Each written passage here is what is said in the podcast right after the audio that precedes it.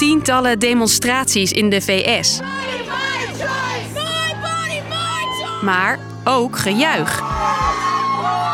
What does this moment mean for you? Everything. Every human being deserves the right to life. Het hing al een tijd in de lucht en nu is het er doorheen. Amerikaanse staten mogen zelf beslissen wat ze doen met het recht op abortus. En dat betekent dat veel staten abortus verbieden. Meer dan 7 miljoen Amerikaanse vrouwen in de vruchtbare leeftijd wonen inmiddels op een plek waar abortus illegaal is. Wat betekent dit voor vrouwen in de VS en blijft het hierbij? Ik ben Hilde en ik leg het je uit. Lang verhaal kort. Een podcast van NOS op 3 en 3FM. The Supreme Court today ruled that abortion is Bijna 50 jaar geleden, in de zaak Roe v. Wade, beslissen de hoogste rechters in Amerika, het Hoge Rechtshof, The government has no right to enter into a decision which should be made by the mother and her doctor. Die uitspraak vormt de basis voor abortuswetgeving in het hele land.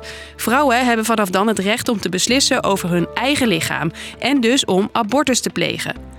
En die uitspraak is nu van tafel. We officially have breaking news. Alle staten mogen nu zelf over het recht op abortus beslissen. Een historisch oordeel van het Hoge Rechtshof, maar niet helemaal onverwachts. Komt vooral omdat er meer conservatieve dan progressieve rechters zijn. Die meerderheid is ontstaan onder Donald Trump. Justice Gorsuch, I just want to congratulate you and your entire family. Anders dan in Nederland heeft het Amerikaans Hoge Rechtshof veel invloed op de wetgeving in het land. Die rechters zijn voor het leven benoemd door de president. En als er een plek vrijkomt, kiest de dan zittende president een nieuwe. Trump mocht er tijdens zijn termijn drie kiezen. Hij koos conservatieven die nu tegen het recht op abortus zijn. I've always heard that the most important thing that a president of the United States does is appoint people to the United States Supreme Court. And I can say this is a great honor. Terug naar nu. Een einde aan Roe v. Wade dus. En dat roept veel emoties op. Bij rapper Megan Thee Stallion bijvoorbeeld op dit festival. And I want to have it on the record that the motherfucking hot girls and the hot boys do not support this bullshit. My body, my motherfucking choice. Een einde aan het landelijke recht op abortus betekent in veel staten een begin van een nieuw tijdperk. Al negen staten hebben abortus verboden en nog eens 21 werken aan een volledig abortusverbod. Dus ook bijvoorbeeld in het geval van incest of verkrachting wordt een abortus ondergaan daar strafbaar. Je hoort Lucas Waagmeester, onze correspondent in de VS. Er zijn ook varianten waarbij het afbreken van een zwangerschap straks in de eerste paar weken nog wel mag. Meestal blijft dat steken op, op zes weken. Eh, nou ja, we weten allemaal, dat is ongeveer het moment waarop je voor het eerst echt zeker weet dat je, dat je zwanger bent. Dus dat betekent toch de facto een soort Sommige staten stellen zichzelf ook al de vraag: wat als vrouwen toch manieren vinden om abortus te plegen? Ze kijken of er wetten mogelijk zijn die het omzeilen van de regels illegaal maken. Bijvoorbeeld het verbieden van de abortuspil of het reizen naar een andere staat om daar abortus te ondergaan. Op veel plekken zal dat neerkomen eh, op wat er nu bijvoorbeeld al in Texas gebeurt. Wetgeving waarbinnen burgers elkaar kunnen aangeven. hè. Dus dat mensen die hulp bieden aan vrouwen, die reizen organiseren naar andere staten of informatie over abortus verschaffen, dat die op die manier kunnen worden getraceerd. Ontwikkelingen waar zo'n 40% van de Amerikanen voor is. Every human being deserves the right to life and care for human life. And that's so important.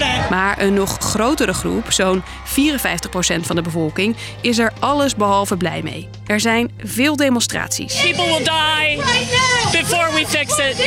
It's so sad. En er is ook kritiek vanuit het Witte Huis. The realization of an extreme ideology and a tragic error by the Supreme Court, in my view. Een tragische fout vanuit een extreme ideologie, zegt de huidige president Joe Biden.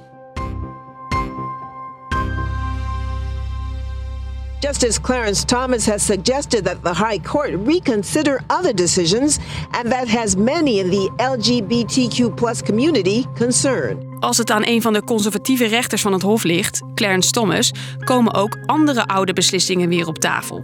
Zoals toegang tot anticonceptie en relaties tussen mensen met hetzelfde geslacht. Progressieve Amerikanen maken zich zorgen, vertelt Lucas. Want lange tijd was de trend richting meer rechten, meer persoonlijke vrijheden, meer zelfbeschikking. En stuurde dit Hof hooguit een beetje bij, waarbij het altijd rekening hield met meerderheden in de politiek en in het land. Maar nu draaien de rechters dit abortusrecht toch terug. Dus wat is het volgende, zegt deze LHBTI'er. I am scared and, and I've never been so scared for our country in my life. We feel like the uh, Supreme Court will be gearing for us next. En daar zit de angst bij veel Amerikanen, volgens Lucas. Als het recht op abortus met één pennenstreek kan worden geschrapt, wat is er dan nog meer mogelijk? Dus, lang verhaal kort. Amerikaanse staten mogen nu zelf beslissen of ze abortus toestaan of niet. Veel staten gaan het verbieden en sommige gaan nog verder. Ze willen extra wetten om uit te sluiten dat vrouwen toch abortus plegen. En ondertussen is er ook nog de vraag of andere rechten, zoals het recht op het homohuwelijk, in gevaar komen. Dat was hem voor vandaag. Morgen weer een nieuwe lang verhaal kort. Tot dan!